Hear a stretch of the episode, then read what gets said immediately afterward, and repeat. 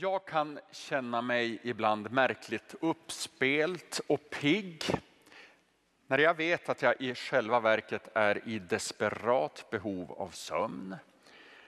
Och på ett liknande sätt så kan jag känna mig hängig och febrig. Och så kollar jag på termometern och den visar bara 36,5. Ibland kanske det händer för dig att du inte känner dig så kristen. Och då förhåller det sig på samma sätt. Känslor är inte särskilt tillförlitliga. De spelar spratt med oss. Och det är inte självklart dem man ska lyssna på för att få reda på sanningen. Jag ska återkomma till detta. Några intressanta noteringar i dagens evangelietext. Den inleds vid den tiden med de orden, vid den tiden. Vilken tid var det? Ja, vi befinner oss ju bara några få meningar in i Markusevangeliet. från början av Markus evangeliet. Och första meningen lyder, här börjar glädjebudet om Jesus Kristus, Guds son. Och sedan en kort hänvisning till en profetia hos Jesaja. Efter det så berättar Markus om Johannes döparen som väcker stor uppståndelse när han börjar framträda i öknen. Han förkunnar syndernas förlåtelse genom omvändelse och dop. Och massor med människor kan vi läsa kommer från vida omkring till honom där i öknen. De drabbas av hans förkunnelse och de låter sig döpas. Det här och Johannes döparens öde som sen följer, det kände människor till. Långt efteråt. Också när Markus nedtecknade evangeliet så var berättelsen om Johannes döparen levande och vid den tiden var det, skriver han, som Jesus från Nasaret kom och döptes i Jordan av Johannes. Det är den första noteringen jag vill göra här. Den andra, det är den här scenen som följer. Med Jesus som stiger upp ur vattnet och han ser himlen som öppnas och en röst som hörs från himlen. Den här scenen den upprepas eller något liknande kan vi säga händer lite längre fram i evangeliet i kapitel 9. När vi möter Jesus och några av lärjungarna på förklaringsberget, härlighetens berg. Här vid dopet, då är Markus tydlig med att det är bara Jesus som ser himlen dela sig och anden komma ner över honom som en duva. När vi längre fram läser i kapitel 9 om Jesus på förklaringsberget, då hörs Guds röst säga till dem som var med, detta är min älskade son, lyssna till honom. Gud ville då och där att fler skulle få veta vem Jesus verkligen var. Och i dopet, vid Jesu dop, då är det som att Jesus visar sin mänsklighet.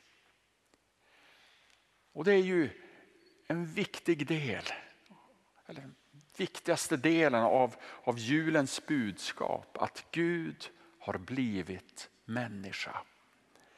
Han går in under våra livsvillkor och han tvekar inte här att döpas av Johannes i en syndares dop. Senare på förklaringsberget då visar Gud på Jesu gudomlighet.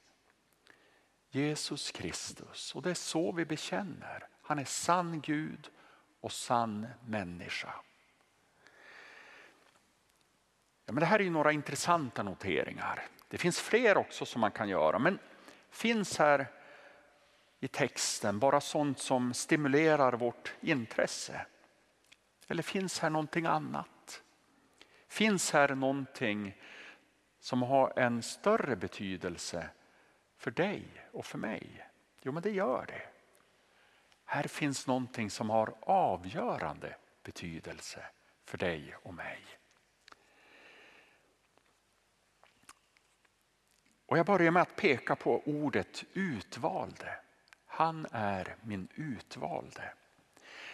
I den gamla översättningen 1917 års då står det i dig har jag funnit behag. Och I Svenska folkbibeln, en annan modern översättning, så står det i dig har jag min glädje. Ganska olika tolkningar eller översättningar av det ord som ligger bakom utvald. Hur kommer det sig att man kan översätta så olika? Jo, begreppen utvälja, föredra, älska kan flyta samman i ett bibliskt språkbruk. Jesus, Messias, är den utvalde som Gud älskar och som också fullgör Guds vilja.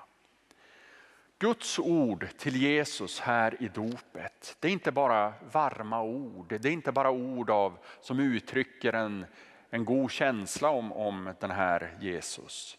Nej, Gud sätter in Jesus i ett uppdrag. Och så Jesu dop, det är inte bara en ny epok i hans liv. Det markerar en början på uppdraget att föra Guds frälsningsplan till fulländning. Och det här är viktigt med Guds frälsningsplan. Och när vi talar om Jesu dop här som vi läser om och när vi talar om vårt dop, det kristna dopet, pratar vi då om samma sak? Eller är det två olika fenomen det handlar om? Ja, båda har en direkt koppling till Guds frälsningsplan. I Jesu dop skulle man kunna säga att Guds frälsningsplan döps in i Jesus Kristus.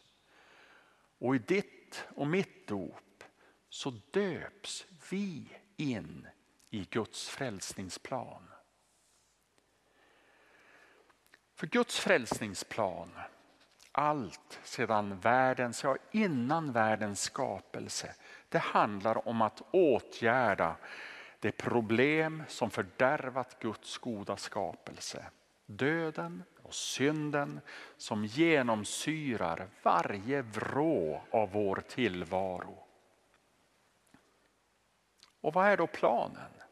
Jo, Gud låter ondskans makt, djävulen, tro att Gud själv blir besegrad när Jesus Kristus, sann Gud, sann människa, fängslas, torteras, spikas upp på korset, dör och blir begraven.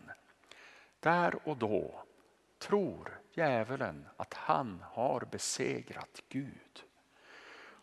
Men vad han inte inser är att han har gått i fällan. Allt enligt Guds frälsningsplan. Likt en dator som klickar på en bifogad fil och släpper in en trojan. Han har blottat sig och livets Herre Jesus Kristus som döden inte har någon makt över har blivit insläppt i det innersta av innersta av dödens rike. Och där kapar livets Herre, Jesus Kristus, roten till det onda när han genom sitt offer sonar synden. Han besegrar djävulen, han uppstår från döden. Han lämnar döden bakom sig och han tar med sig från dödens rike varje människa som är döpt in i honom själv, in i hans kropp in i Guds frälsningsplan och som sätter sitt hopp till honom.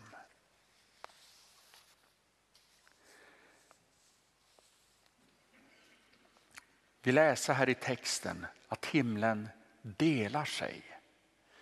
När Matteus och Lukas skildrar Jesu dop så beskriver de med ett annat ord att himlen öppnar sig.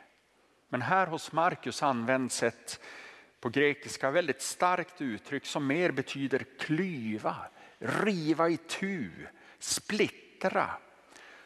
Och samma ord använder Markus när han längre fram beskriver vad som händer i templet när Jesus dör på korset. Med ett högt rop slutade Jesus att andas och då brast förhänget i templet i två delar uppifrån och ända ner.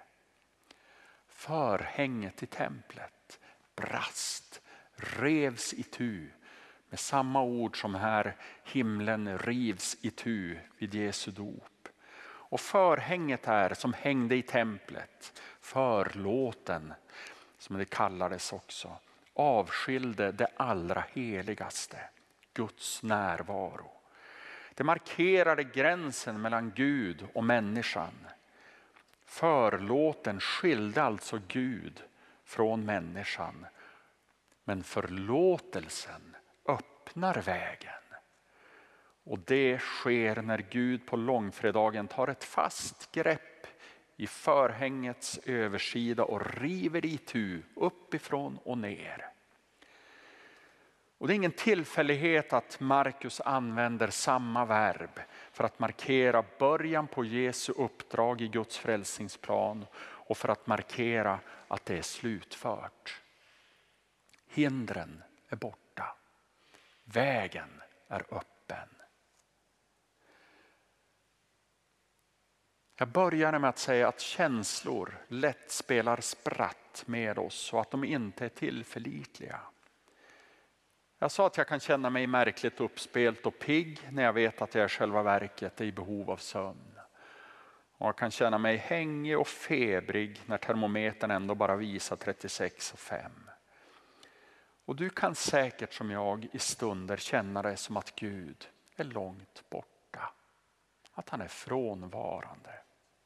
Som att kommunikationen är stängd. Som att han inte vill ha med dig att göra som att du inte är värdig.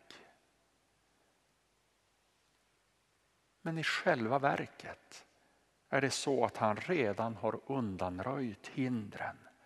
Han har redan öppnat vägen. Du behöver inte, ja du kan inte gå till honom. Han har kommit till dig. Han är inte långt bort borta, han står inte med ryggen vänd mot dig.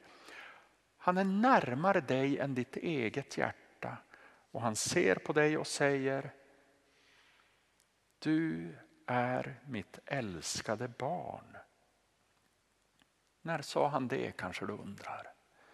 Jo, han sa det i dopet på samma sätt som han sa det till Jesus, Messias, Guds son så sa han det också i ditt dop när du döptes, om du döptes. Dopet är öppet, det finns inget hinder för dig att döpas om det ännu inte skett. För i dopet så tas du in i Guds frälsningsplan och du blir ett Guds barn. Oavsett om du känner det att det är så eller inte, så är det så. För att Gud säger att det är så. Amen.